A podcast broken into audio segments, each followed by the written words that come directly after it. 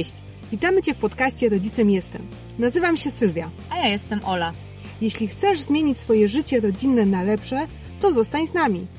Opowiemy Ci, jak czerpać więcej radości z bycia rodzicem i nie odejść od zmysłów. Pokażemy narzędzia, które wykorzystujemy, by budować lepsze relacje w swojej rodzinie. Zdobywaj z nami wiedzę na temat rozwoju, a także korzystaj z praktycznych wskazówek oraz gotowych rozwiązań rekomendowanych przez pedagogów i psychologów dziecięcych. To co, wchodzisz w to? Zapraszamy!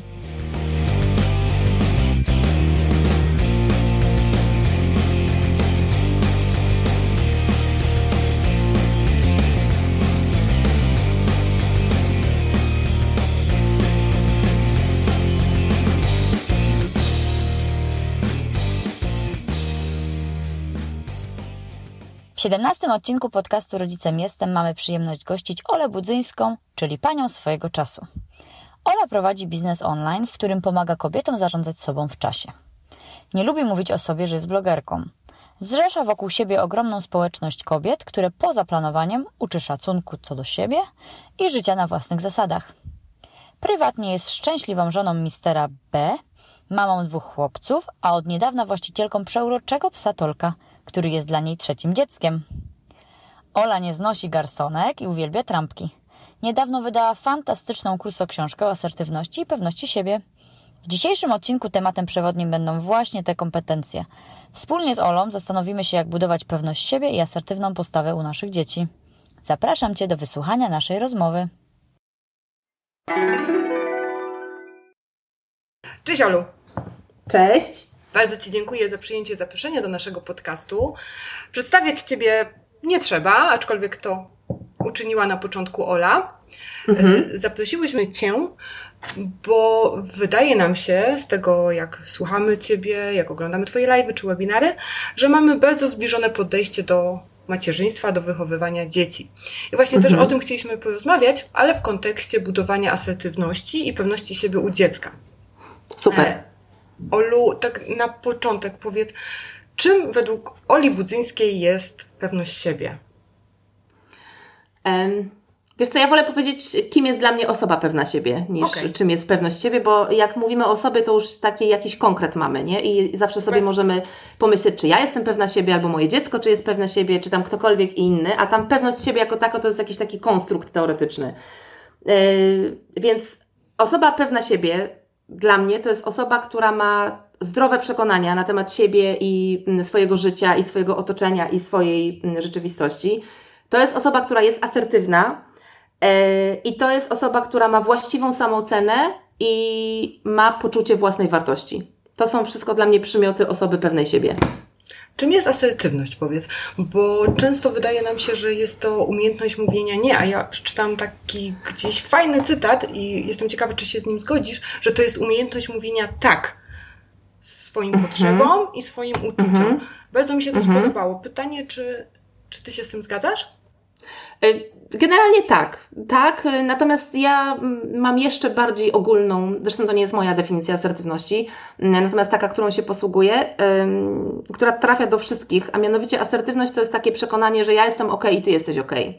Czyli rozwijając to, że ja jestem osobą, która jest w porządku i inni są ludźmi, którzy są w porządku że ja mam pewne prawo do czegoś, ale też inni ludzie wkoło mnie mają prawo do, mm, do czegoś. To jest szacunek dla siebie i dla innych ludzi.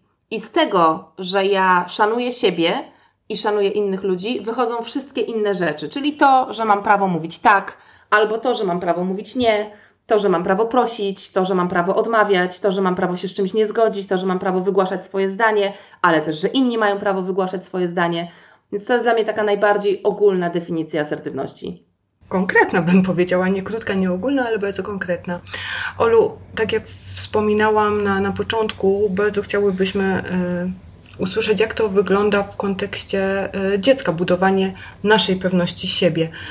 W jakim mhm. stopniu nasze zachowanie, zachowanie rodzica kształtuje pewność siebie i asertywność u naszych dzieci? Um, To jest ciężkie pytanie. Znaczy, pytanie jest proste, odpowiedź też jest prosta, bo jedyna, jest jedyna słuszna odpowiedź na to. W każdym możliwym stopniu. Czyli. To znaczy się. No, wszyscy rodzice mają świadomość, mam taką nadzieję, że wszyscy rodzice mają świadomość, że najbardziej na świecie na nasze dzieci działa nie to, co im mówimy, e, jak trzeba, co się powinno, co się nie powinno, co jest dobrze, a co jest źle, tylko to, co one widzą, że my robimy i to, co widzą, że świat robi, tak? Bo to jest, czyli coś, co wynika z działania, a nie coś, co wynika z mówienia. Więc dzieci jak mówię, że. Dzieci nas obserwują, nie? Dokładnie. Ewentualnie słuchają nas i porównują z tym, co widzą. Nie? I jak to jest spójne, to git, to, to znaczy, że to się jeszcze bardziej wzmacnia. Natomiast jak to jest niespójne, to na pewno biorą pod uwagę tylko i wyłącznie to, co widzą, czyli yy, doświadczenia, bo, bo, bo biorą pod uwagę tą niespójność. Więc jak mówię, że, że ten wpływ yy, jest, jest, jest bardzo duży, no to to wynika z tego, że jeśli dziecko słyszy, że warto być asertywnym, warto być pewnym siebie, trzeba siebie szanować, a trzeba mieć własne zdanie, a jednocześnie widzi, że jego rodzice tak nie robią, tak nie działają, no to sugeruje się raczej tym, co, co widzi, tak? W naszych działaniach tak naprawdę, a nie w tym, co słyszy, jak być powinno. No dobrze, a załóżmy, że mamy rodzica, który no jednak nie został wyposażony w taką kompetencję jak asertywność czy pewność siebie. Mhm. To od czego powinien zacząć? No bo jak wiemy, no modelowanie, to co wspomniałeś przed chwilą, no to jest najlepsza droga do tego, żeby wychować takie dziecko, no ale co jeżeli my sami, rodzice, a jak pewnie doskonale wiesz, no mhm. wiele, zwłaszcza nas, wydaje mi się, kobiet, ma problem z asertywnością, z pewnością siebie. To w jaki sposób mhm. mamy to przekazać naszym dzieciom? Um, wiesz co, przekazywanie asertywności dzieciom to jest, to jest tak jak każdym innym tak naprawdę e, taką kompetencją życiową. To znaczy się wielu osobom się wydaje, że to się dzieje jakoś intencjonalnie, nie? że tam to ja sobie zrobię plan i harmonogram, teraz w poniedziałki, środy i piątki, tak jak korepetycje, to ja od 15 do 16 usiądę i drogie dziecko, asertywność jest w życiu ważna i pogadajmy i tak dalej. No ale tak się nie dzieje i to tak nie działa.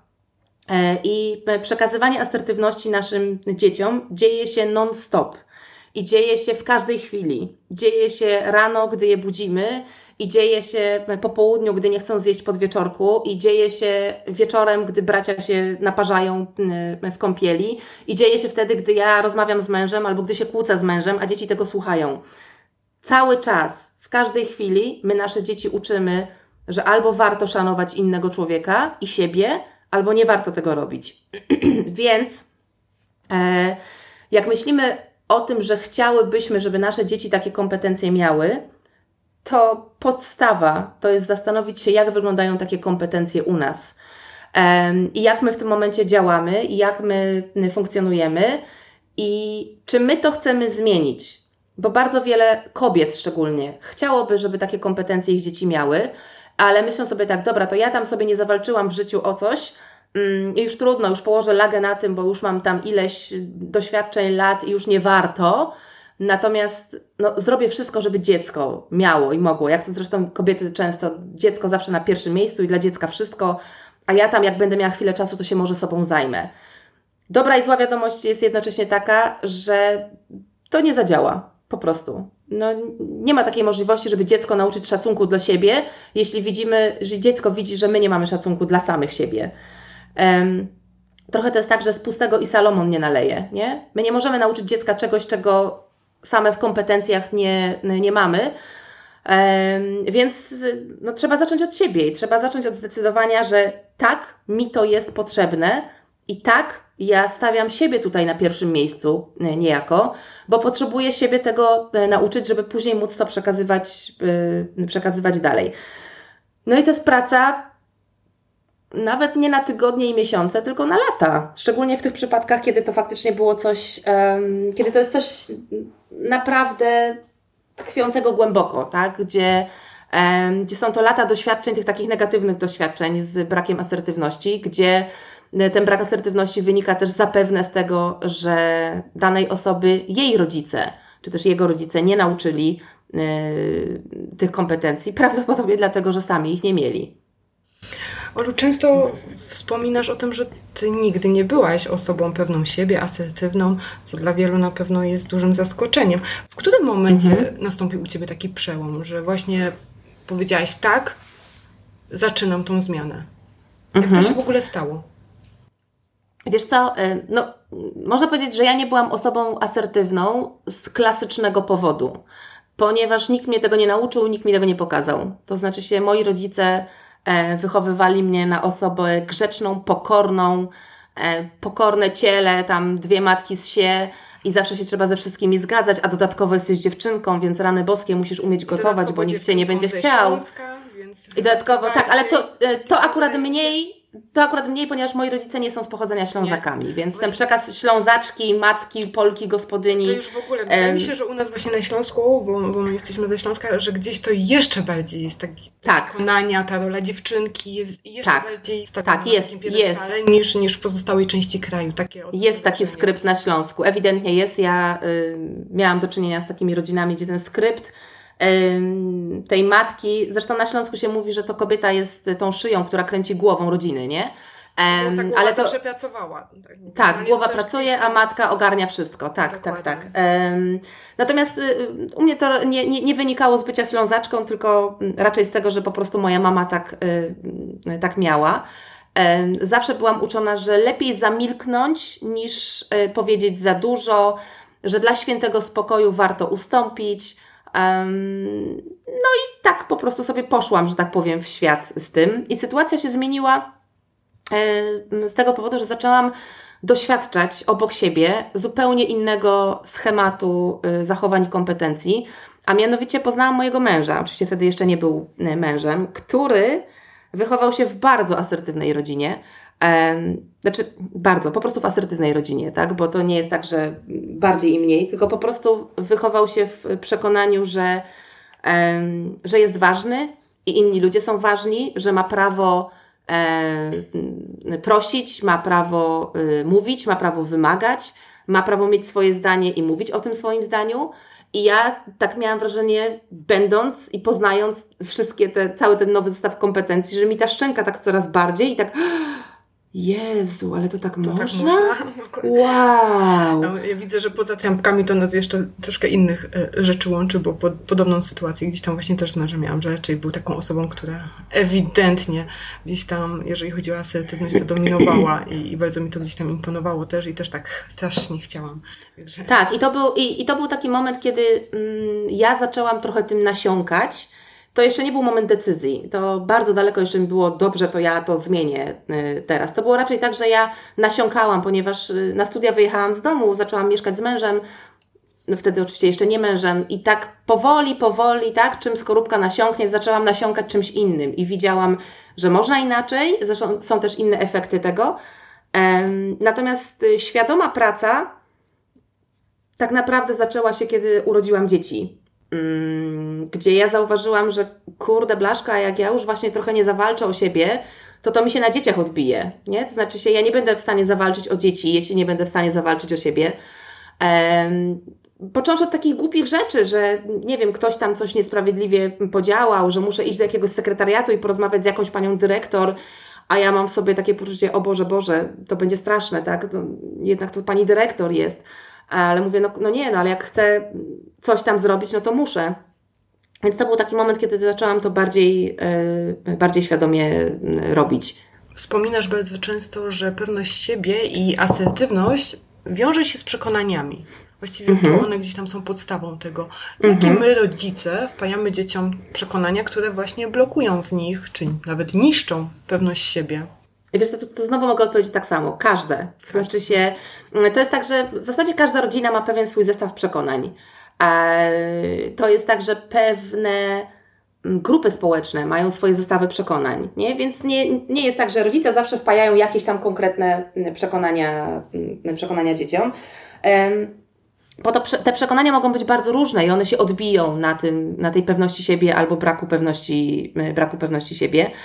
E, no ale takie klasyczne mm, przekonania, które na przykład w dziewczynkach powodują to, że im się wydaje, że mniej mogą, że w przyszłości na przykład nie negocjują swojego wynagrodzenia albo z automatu zaniżają swoje mm, wynagrodzenie, no to są wszystkie te mm, dziewczyńskie przekonania, tak, że e, dla świętego spokoju ustąp.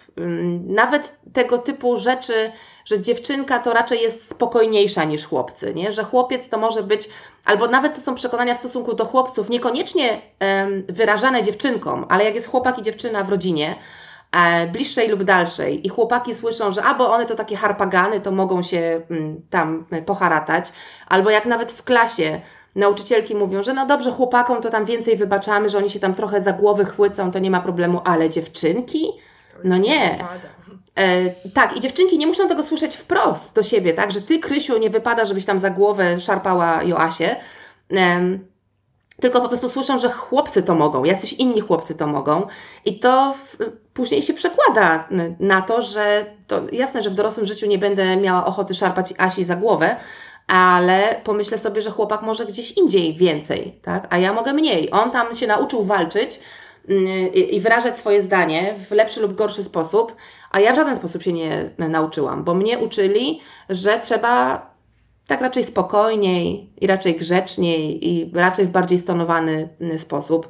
Ja akurat mam no, takie trochę zafiksowanie na tym punkcie, co dziewczynki, a co chłopcy. Ja mam dwóch chłopaków w domu ale chodzę na wszystkie apele w y, szkołach. No i ten przekaz jest tak niesamowicie silny, że my nawet nie zauważamy, że on jest. To, jakie dzieci recytują wierszyki, na przykład na, w przedszkolu, na akademiach, e, jaką rolę w tych wierszykach ma chłopiec, jaką rolę w tych wierszykach ma dziewczynka, jaką rolę w tych wierszykach ma mama, tata, babcia i dziadek. To jest kurczę tak widoczne, E, no i my tego potem e, uczymy, tak? E, związane z pewnością siebie różnego rodzaju przekazy i przekonania są na przykład takie, bardzo wiele rodziców uczy dzieci, że z nauczycielami się nie dyskutuje, że z ocenami się nie dyskutuje, że w ogóle oceny są najważniejsze, że oceny muszą być wszystko super fajne, że one muszą być bardzo dobre.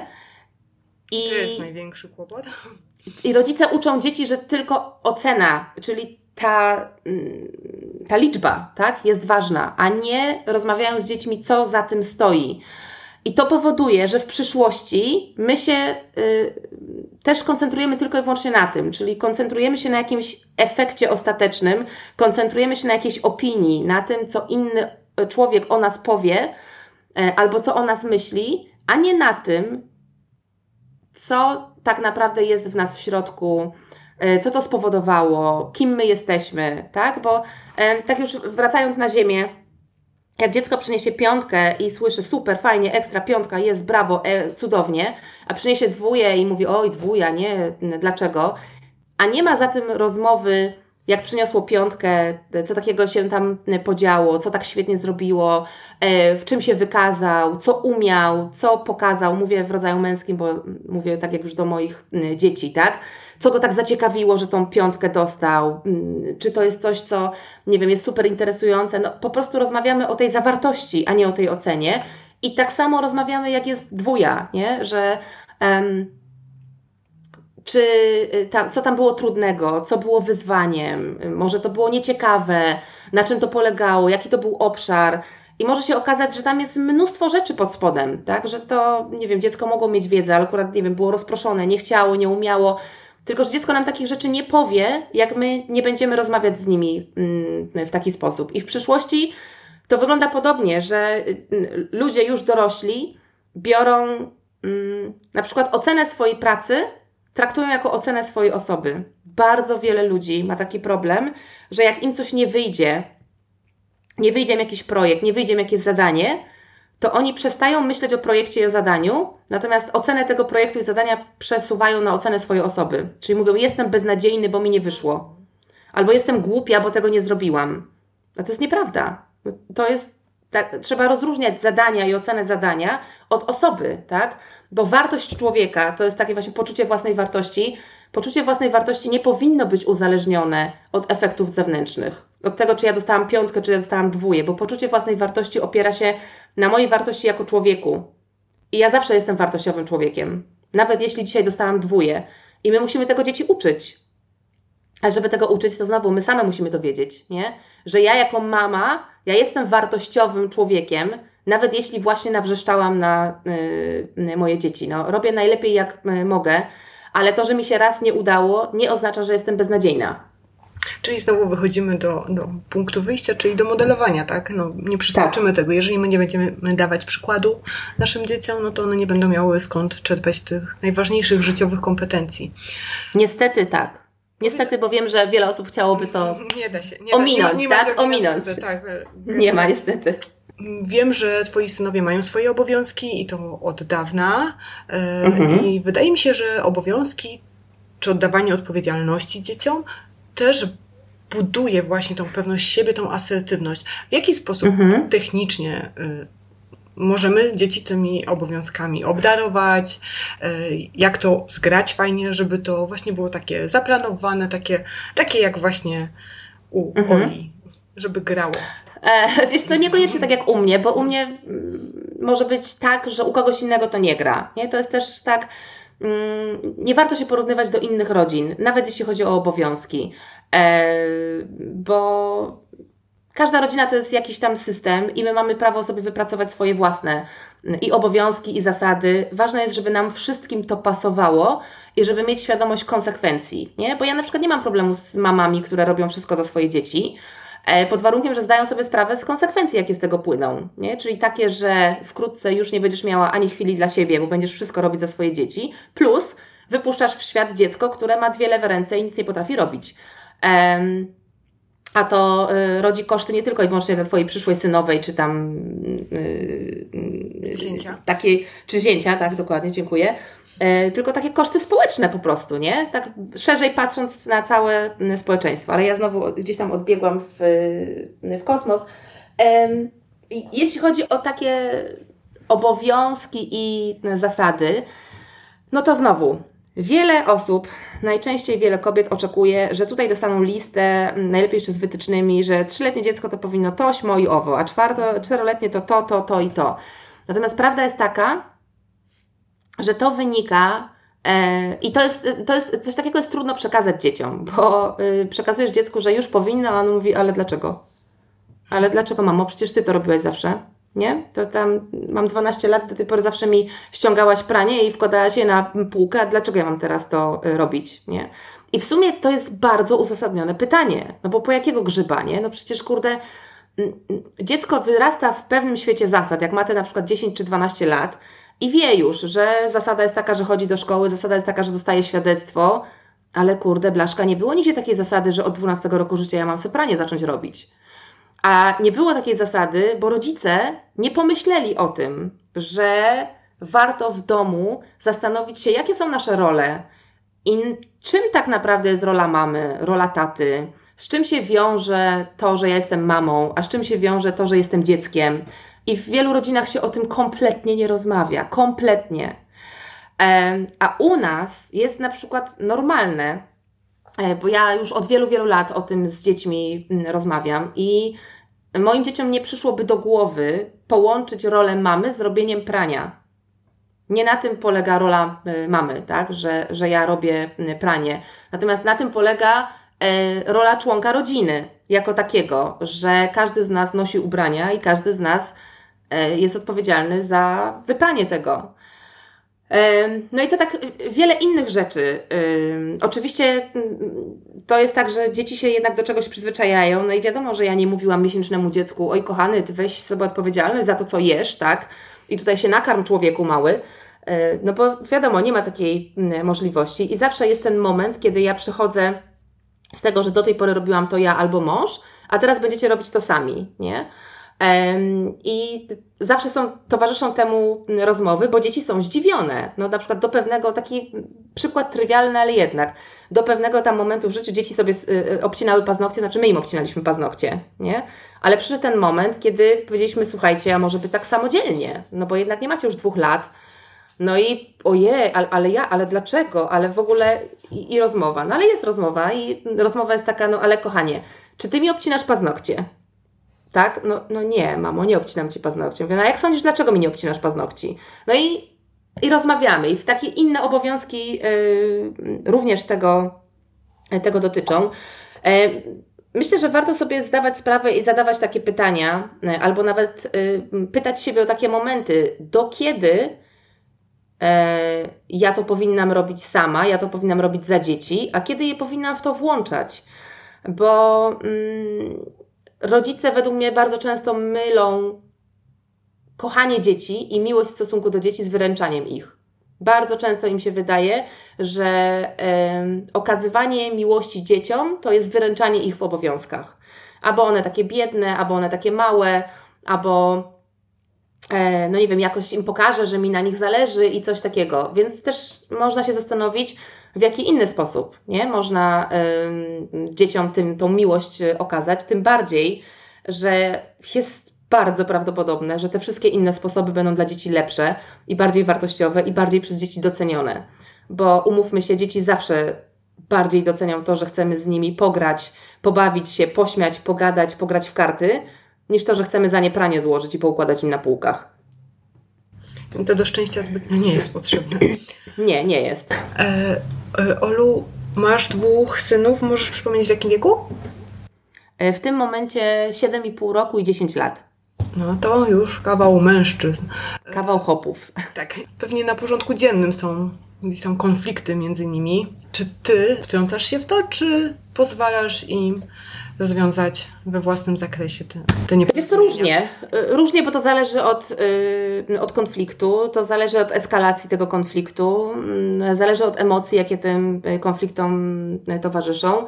E, ale generalnie zasada jest taka, że jeśli są to ich wewnętrzne konflikty, które mnie w żaden sposób nie dotyczą, nie dotyczą tego, co nie wiem, ja ustaliłam, albo jakiś zasad, albo coś w tym stylu, to ja im się każę to gadać samodzielnie. Wczoraj była taka sytuacja, że wołają mnie do łazienki, bo się pokłócili przy myciu rąk. Że które ma tam myć ręce, że ten pierwszy, ten mu wodą coś tam chlapie. Ja tak na nich spojrzałam powiedziałam, no chyba sobie żartujecie. Żebym ja miała rozwiązywać, który z Was ma umyć ręce w domu, w którym co najmniej są trzy krany do mycia rąk, no nie no, proszę Was, nie? No i oni na mnie popatrzyli i tak widzę, że aha, faktycznie, to bez sensu było wołać mamę, nie? Do, do, do czegoś mhm. takiego.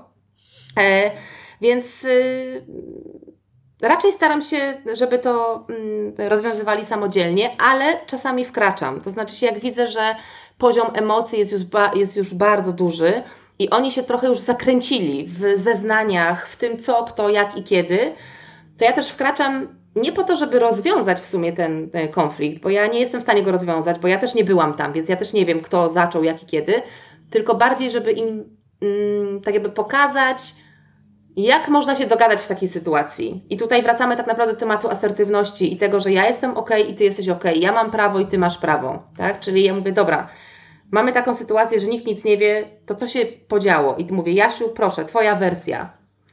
E, I w tej momencie, jak Jasiu e, raportuje swoją wersję, to proszę Franka, żeby się nie wtrącał po prostu, tak? Żeby nie mówił, nie, to tak nie było, nie, nieprawda, ty głupi jesteś i coś tam. Poczekaj, Franuś, Teraz Jasiu opowiada swoją wersję, za chwilę Ty będziesz opowiadał swoją wersję. Swoją drogą pilnuję tego w miarę możliwości, żeby następnym razem, jak jest taka sytuacja, to żeby zaczynał ten drugi. Żeby nie było, że zawsze jeden opowiada swoją wersję pierwszy.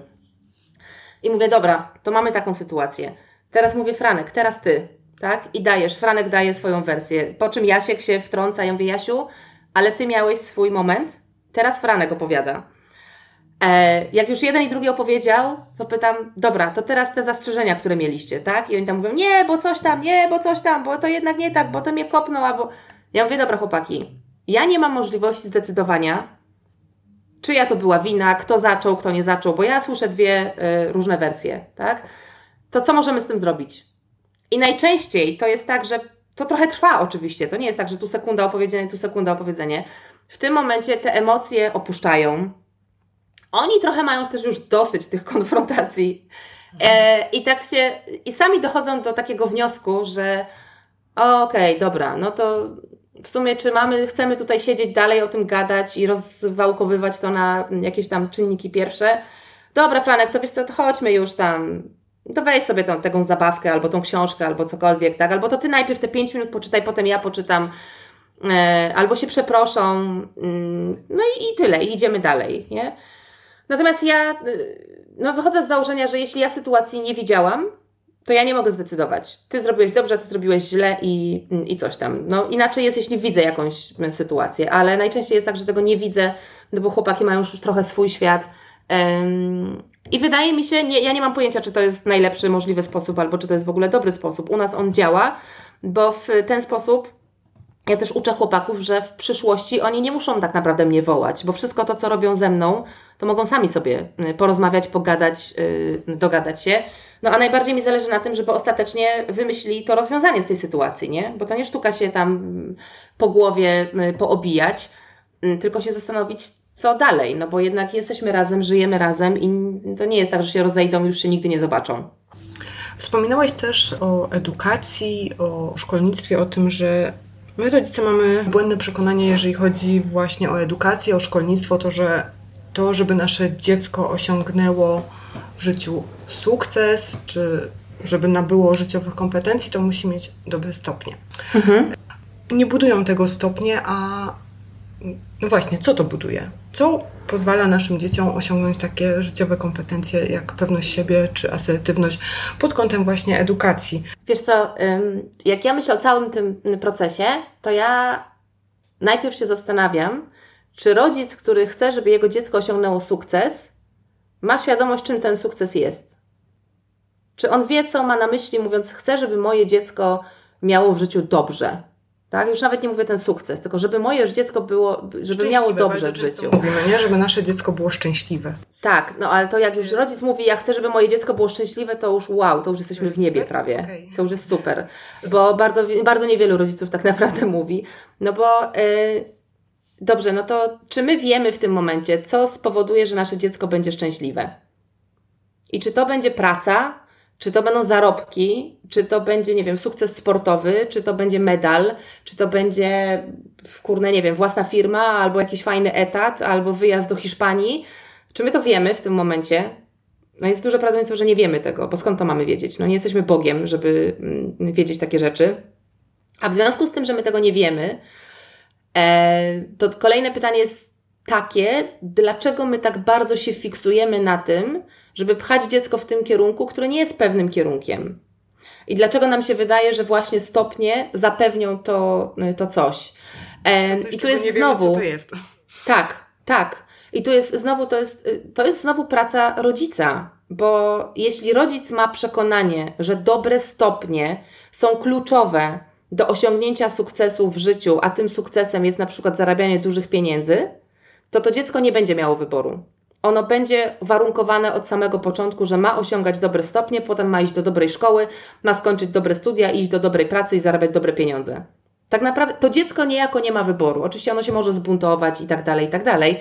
Natomiast od dnia numer jeden będzie warunkowane w tym kierunku i będzie wychowywane w tym e, kierunku.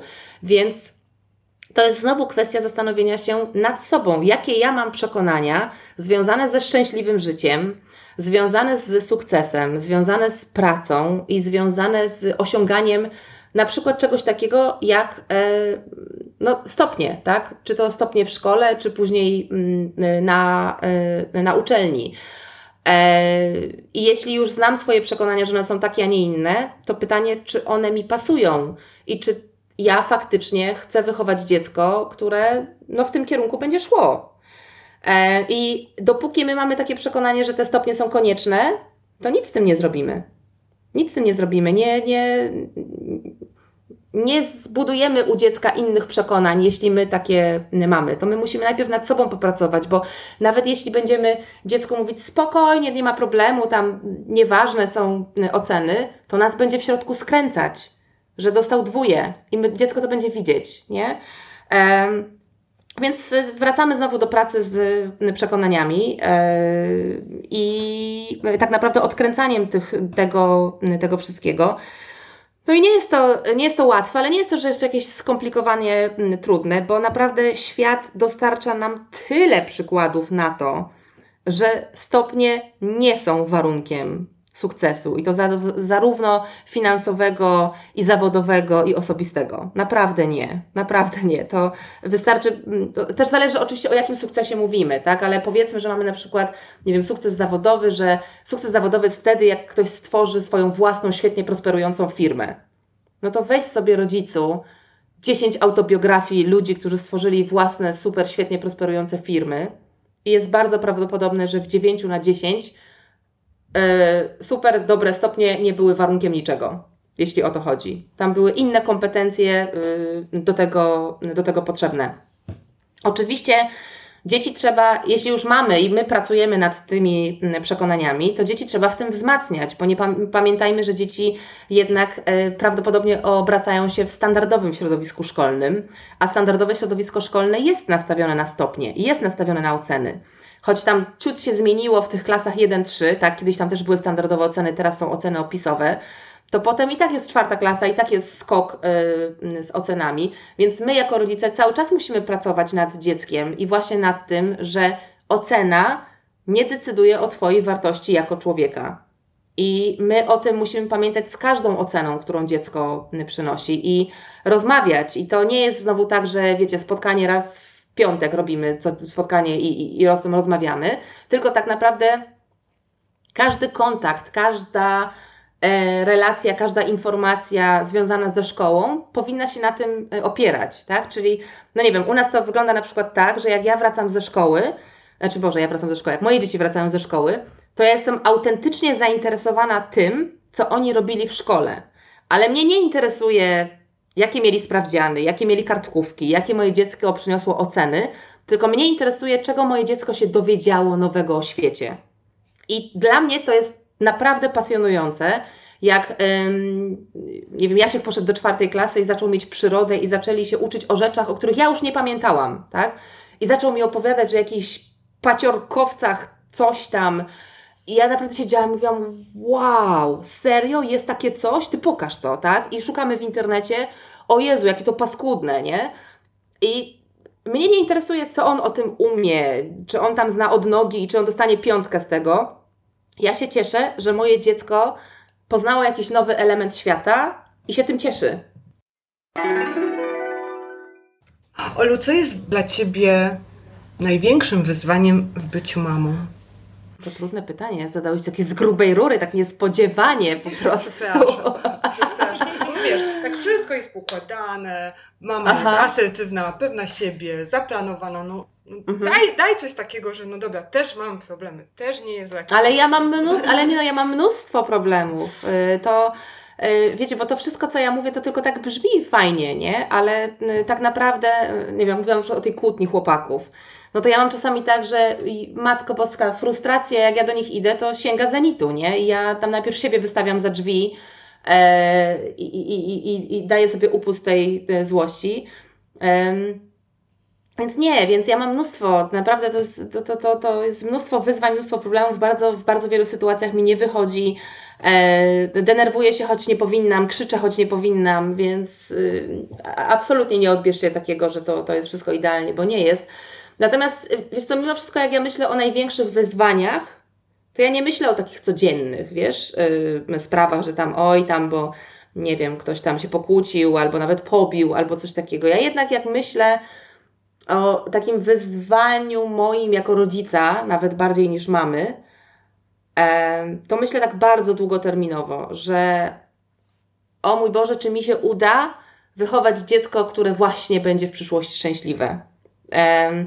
I czasami jak mi opadają ręce, bo coś się dzieje, ja nie rozumiem dlaczego to się dzieje, dlaczego y, coś nie działa, to myślę sobie, o mój Boże, a jak to był właśnie ten moment, kiedy ja coś zawaliłam, tak, i, i, i nie wiem, i trauma na całe życie u mojego dziecka. E, oczywiście racjonalnie mam gdzieś tam myślę, że no pewnie tak nie jest, nie, ale to racjonalnie i emocjonalnie to są dwie różne światy. Więc moim największym wyzwaniem jest, y, y, jest chyba jednak właśnie to pokonanie tego um, takiego czasem myślenia, że Boże, zawaliłam. I teraz to już po ptokach, nie? To już, to już nie. E, natomiast tak na co dzień, wiesz, mam o tyle dobrą sytuację, że mam naprawdę ogromne wsparcie męża. Nie jestem sama z wychowaniem. Nie tylko w takim fizycznym znaczeniu nie jestem sama, ale też e, takim, że na przykład znam bardzo dużo rodzin, gdzie wychowanie, kierunek wychowania, kierunek tego, co się dzieciom będzie mówić, czego się nie będzie mówić, jak się je będzie uświadamiać albo czy się je będzie uświadamiać, leży na mamie. I to zostało bardzo wprost scedowane w momencie, gdy się dziecko urodziło, nie? Czyli tam tata zarabia, bawi się, ale jak jest trudna sytuacja, to mama decyduje. I to jest z jednej strony fajnie, no bo nie ma dwóch opinii na jeden temat, natomiast z drugiej strony to jest bardzo duże obciążenie i ja na przykład takiego obciążenia nie mam. Ja mam bardzo duże wsparcie w mężu, mąż ma we mnie wsparcie w sensie no idziemy przez to razem i, i takie trudne sytuacje możemy sobie przegadać i, i wspólnie zdecydować, co z tym robimy dalej. A co w wychowaniu Twoich dzieci uważasz, że najmocniej przekłada się na budowanie pewności siebie u nich? Na co zwracasz uwagę? Co jest y, w tym aspekcie dla Ciebie kluczowe? E, myślę, że y, nasza uwaga im poświęcona. To jest takie bardzo banalne i bardzo proste. To nie jest żadne narzędzie, to nie jest żadna technika. E, to jest bardziej to, ja też chcę w to wierzyć i tak też robię, że mm, tak jak mówiłam, z pustego i Salomon nie naleje, nie? Jak, mam takie przekonanie, że jak dziecko wyjdzie z danej rodziny, z dzieciństwa, z tą pewnością, że jest ważne, że jak jest trudna sytuacja, to ma ludzi, na których może polegać, że w każdej właśnie trudnej sytuacji ma się do kogo zwrócić y, i ktoś go wysłucha i nie będzie go oceniał i nie będzie mu przylepiał etykietki, tylko po prostu da mu tą uwagę, to że takie dziecko sobie w życiu poradzi w każdej sytuacji. I ja tak do tego podchodzę. Znasz pozytywną dyscyplinę mhm. Y, i ona do ciebie przemawia. Mhm. Ogólnie dla tych, którzy nie wiedzą, pozytywna dyscyplina w jednym zdaniu skupia się na właśnie budowaniu życiowych kompetencji, a nie na trudnym zachowaniu dziecka. Szuka mhm. przyczyny, wchodzi tam mhm. pod, pod tą powierzchnię. E, mhm. powiedz, jakie narzędzia ty stosujesz i wykorzystujesz u siebie właśnie z zakresu pozytywnej dyscypliny? Wiesz co, ja powiem o jednej rzeczy, która była początkiem mojego olśnienia, można powiedzieć, z pozytywną dyscypliną i z której wypływają tak naprawdę inne. Ja pamiętam, że jak ja usłyszałam pierwszy raz pozytywna dyscyplina, to pomyślałam sobie, co? O wol, o Boże. Miałam to samo. Tak. I miałam taki straszny odrzut, natomiast jak słuchałam, to usłyszałam coś, co pomyślałam sobie, Boże, jakie to jest proste, jakie to jest oczywiste i dlaczego ja o tym wcześniej nie pomyślałam? I dlaczego nie wie o tym każdy rodzic na świecie? A mianowicie, że jak człowiek się źle czuje, e, emocjonalnie oczywiście mówię, mm, a człowiek to też dziecko, to nie jest w stanie postępować dobrze. I, i, i ja sobie wtedy uświadomiłam, że rany boskie, faktycznie, przecież my jako rodzice e, oczekujemy od dzieci, że w momencie, gdy są zdenerwowane, e, sfrustrowane, złe, e, no wiecie, w różnych skrajnych emocjach, tak, że w buncie jakimś, że w krzykach, My w tym momencie też dokładnie w takich samych emocjach mówimy im cicho, y, uspokój się i oczekujemy, że one czując się fatalnie, będą się zachowywały idealnie. I ja sobie uświadomiłam, jaki to jest absurd i jak, jakie to jest bez sensu, kiedy my nawet od siebie w tym momencie tego nie możemy oczekiwać, bo my też się czujemy fatalnie i źle i też krzyczymy na dzieci, żeby się uspokoiły, i dla mnie to było olśnieniem. I to spowodowało, że cały, że tak powiem, szereg innych rzeczy yy, się zadział. Czyli na przykład, jak widzę, że moje dziecko e, właśnie jest takie rozedrgane, że jest strasznie rozłoszczone, że jest tak zły, że aż mu łzy lecą ze złości, to ja kiedyś bym, wiesz, ale wyjaśnij mi, powiedz mi teraz natychmiast, co tu się dzieje, tak? A ja w tym momencie kompletnie nie robię nic, tylko przychodzę, pytam, czy się chce przytulić, najczęściej chce i siedzi taki, wiesz, zezłoszczony i się przytulamy i to trochę trwa, aż się nie uspokoi i dopiero jak się uspokoi i przestanie siąkać, płakać i cokolwiek innego, to jesteśmy w stanie spokojnie o tym porozmawiać i dowiedzieć się, gdzie kiedyś nie byliśmy w stanie tego zrobić, bo po prostu nic z niego nie wychodziło. I dla mnie, no i dla mnie to było odkryciem i to było takim najważniejszym, które no, ma wpływ na różne inne, także nie, y, nie szukamy rozwiązań wtedy, gdy się złościmy. Nie, y, nie zażegnujemy kłótni wtedy, gdy y, jesteśmy na siebie źli. Nie, no, nie, nie przychodzi mi w tym momencie jeszcze nic, nic do głowy, ale nawet to, jak że dajemy sobie prawo na przykład do, do, do, tego, że możemy być chwilę tacy pozłoszczeni. Nie? I to wszyscy, mówię o wszystkich członkach rodziny w tym momencie, że na przykład jeden drugiego chce przeprosić, ale ten drugi nie jest jeszcze na to gotowy. On jeszcze jest w tej swojej złości i w tych złych emocjach, tych, znaczy nie złych, tylko e, tych takich nacechowanych negatywnie, można powiedzieć, nieprzyjemnych za bardzo. E, I też dajemy sobie zrozumienie na to, że okej, okay, to on jeszcze chwilę potrzebuje, nie? I teraz czy potrzebuje sam, bo może też być, chcieć być sam, czy też może chcieć być ze mną. No i to była ogromna zmiana dla, dla naszej rodziny. Nie da się tego piękniej ująć, że taką podstawą tego, że jeśli chcemy, żeby nasze dzieci zachowywały le się lepiej, to muszą się najpierw poczuć lepiej. Poczuć lepiej. Ale ja myślę, że to jest też taka bardzo ważna lekcja dla nas, ludzi dorosłych, szczególnie kobiet, bo kobiety uwielbiają się wrzucać w poczucie winy i w myślenie, że są beznadziejne, do niczego się nie nadają i myślą, że z tego coś urośnie dobrego. Tak, że jak im coś nie wyszło, a teraz chcą, żeby im wyszło, to najpierw się popiczują i powiedzą, jakie są fatalne, jak to nic nie potrafią i tak dalej, i tak dalej. I jak poczują jakiś wstyd i poczucie winy i, tak, i inne tego typu straszne emocje, to, yy, to, to to im jakoś, nie wiem, wjedzie na ambicje i coś z tego wyjdzie. A najczęściej nic z tego nie wychodzi. No bo nie jesteśmy w stanie działać dobrze, jak się czujemy źle. Dokładnie. E, w swojej działalności też często skupiasz się na rozwiązaniach dla rodziców, a konkretnie dla mam. Nawet ostatnio była u Ciebie możliwość skorzystania już chyba z drugiej, o ile dobrze pamiętam, edycji mhm. kursu Mama ma czas. Mhm. Czy to odpowiednie planowanie, zarządzanie czasem w rodzinie, czy to też wpływa na to, że my budujemy u dzieci tą asertywność i pewność siebie? Tak, wpływa bardzo, pod warunkiem, że to jest pewien dodatek do bazy, tak bym powiedziała. Bo y, to jest dokładnie tak jak u dorosłych. E, samo planowanie nie wniesie nic, jeśli ty nie wiesz, po co planujesz, dlaczego planujesz, dlaczego to jest ważne. To, to, jeśli ty nie wiesz, gdzie w życiu, dokąd w życiu i tak dalej, to sobie możesz planować cokolwiek i jakkolwiek. I dokładnie tak samo jest z życiem rodzinnym i z, z dziećmi. Planowanie nie jest po to, żeby dzieci były grzeczne i nie jest po to, żebyśmy my jako rodzice mieli więcej czasu, choć to jest efekt uboczny. Planowanie jest po to, żebyśmy my e, mogli jako rodzina iść w tym kierunku, w którym chcemy iść, żebyśmy mogli spędzać razem czas, żebyśmy mogli realizować jakieś wartości, które są dla nas istotne, żebyśmy czuli się wszyscy ważni, to do tego używamy planowania. Ale dopóki my tego nie wiemy, E, co jest dla nas y, ważne, tak? co jest najważniejsze, jak my chcemy spędzać razem y, czas, no to możemy sobie planować cokolwiek i jakkolwiek e, tak naprawdę. Więc najpierw to są te wszystkie bazy i ten fundament y, właśnie wynikający z tego, kim ja jestem jako mama, kim ja jestem jako tata, kim jesteśmy jako rodzice, jaka jest nasza rola, e, czego chcemy dla naszych dzieci, jak chcemy, żeby nasza rodzina funkcjonowała i dopiero potem jest planowanie to jak już jesteśmy przy planowaniu, jak nauczyć dziecko priorytetyzowania swoich zadań, zwłaszcza na przykład w kontekście szkoły, gdzie każdy przedmiot jest najważniejszy? To najpierw znowu wracamy do siebie i musimy przepracować u siebie, czy my mamy zgodę na to, że nasze dziecko wybierze inny priorytet niż my.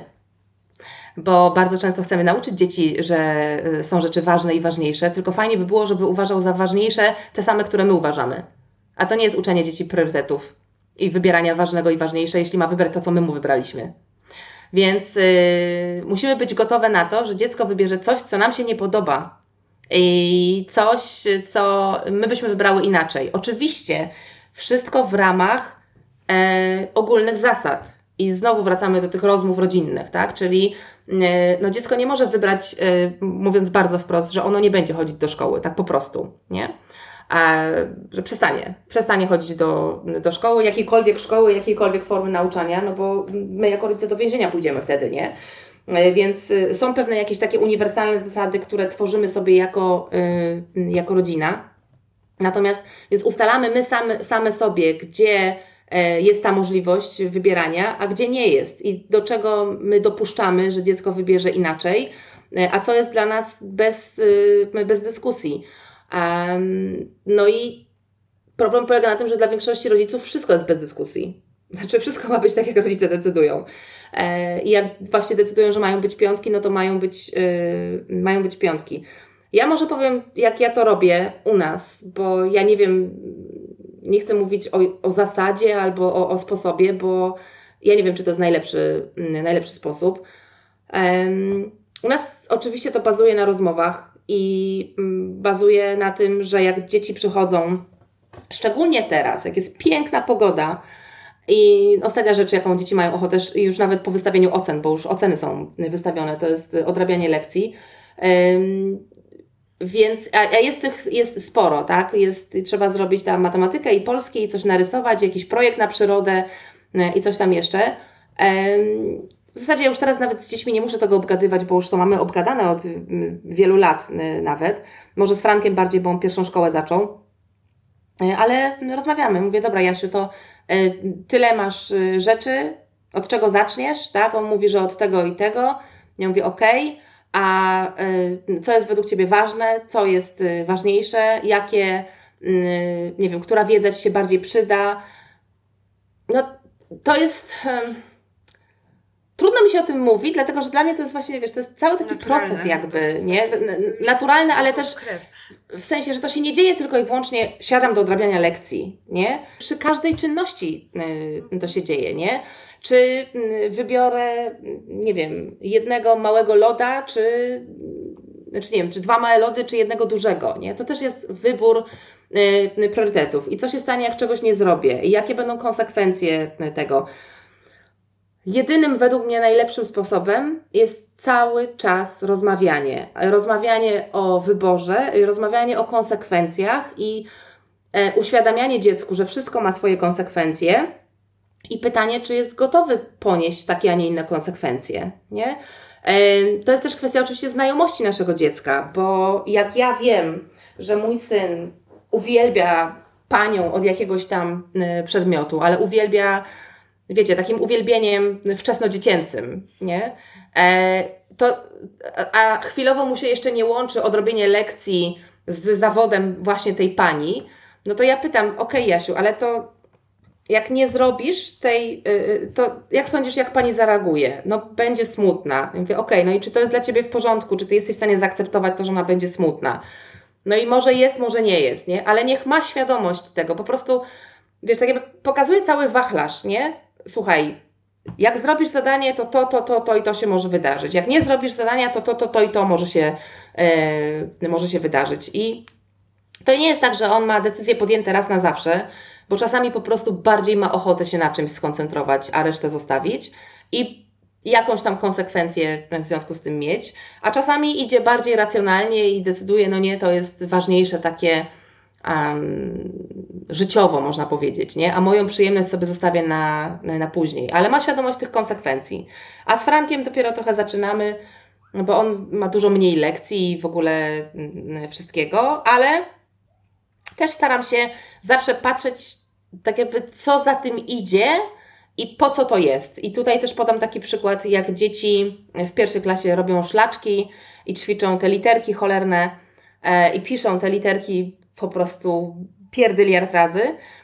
Franek tego nienawidzi. Franek nienawidzi ćwiczyć ręki yy, niejako, ale yy, ja porozmawiałam z wychowawczynią, no i zastanowiłyśmy się, po co to jest, tak? Bo szlaczki nie są po to, żeby dziecko rysowało szlaczki, bo to jest kompetencja rysowana szlaczków, które potem ktoś sobie w CV wpisze, bo to nie jest po to. Szlaczki są po to, żeby ćwiczyć tą motorykę małą.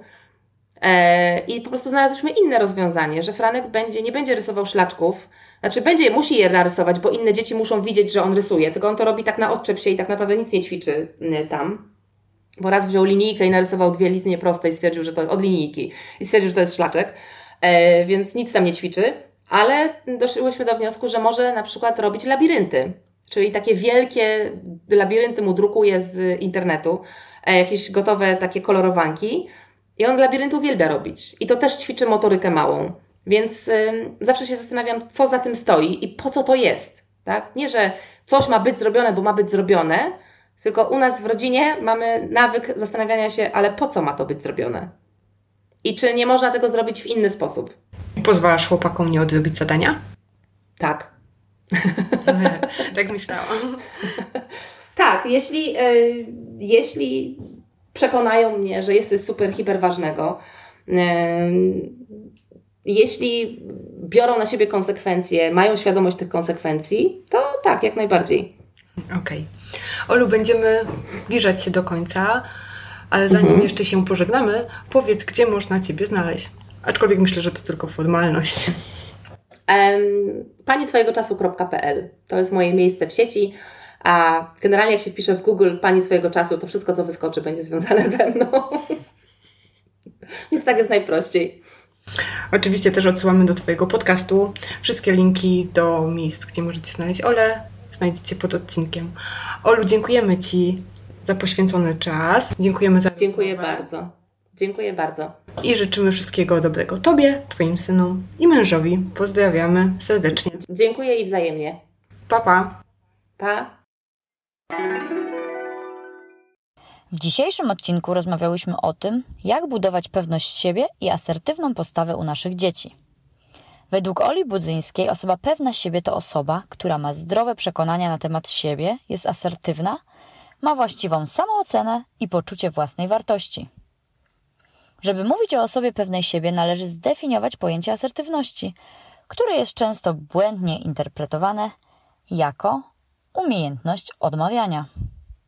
Definicja, którą posługuje się nasza rozmówczyni, jest chyba najkrótszą i najprostszą, jaką kiedykolwiek słyszałeś, kiedykolwiek słyszałaś, a brzmi następująco: Ty jesteś ok i ja jestem ok. Rozwijając tą definicję, możemy powiedzieć, że asertywność to szacunek do siebie przy jednoczesnym szacunku do innych. Na pewność siebie i asertywność mają ogromny wpływ nasze przekonania. To, jakimi przekonaniami karmimy siebie i nasze dzieci, wpływa znacząco na samoocenę i sposób, w jaki postępujemy. Wiarę w siebie w dzieciach budujemy oddając im odpowiedzialność i obowiązki. Dzięki temu mierzą się z wyzwaniami, popełniają błędy i rozwijają się. Ola opowiedziała również o tym, jak radzi sobie z konfliktami synów. Zazwyczaj stara się nie ingerować w ich sprawy. Kiedy jednak emocje sięgają zenitu, wkracza do akcji. Stara się wejść w sytuację w roli mediatora, a nie sędziego. Wysłuchuje obie strony i wspiera w szukaniu rozwiązania. Nasz gość nie ukrywa, że trafia do niej metoda wychowawcza, jaką jest pozytywna dyscyplina. Bardzo rozjaśniła jej spojrzenie na młodego człowieka, kiedy przeczytała zdanie, że dzieci zachowują się lepiej, kiedy czują się lepiej. W naszej rozmowie zwróciłyśmy uwagę na system edukacji.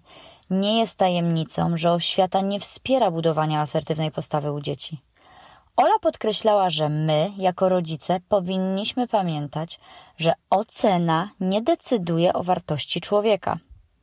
Świat daje mnóstwo przykładów na to, że dobre stopnie w szkole nie są warunkiem sukcesu. Na koniec Ola podzieliła się z nami swoim największym wyzwaniem w roli rodzica. Marzy o tym, żeby wychować szczęśliwe dzieci. Życzymy Oli, aby każdego dnia była o krok bliżej w realizacji tego postanowienia.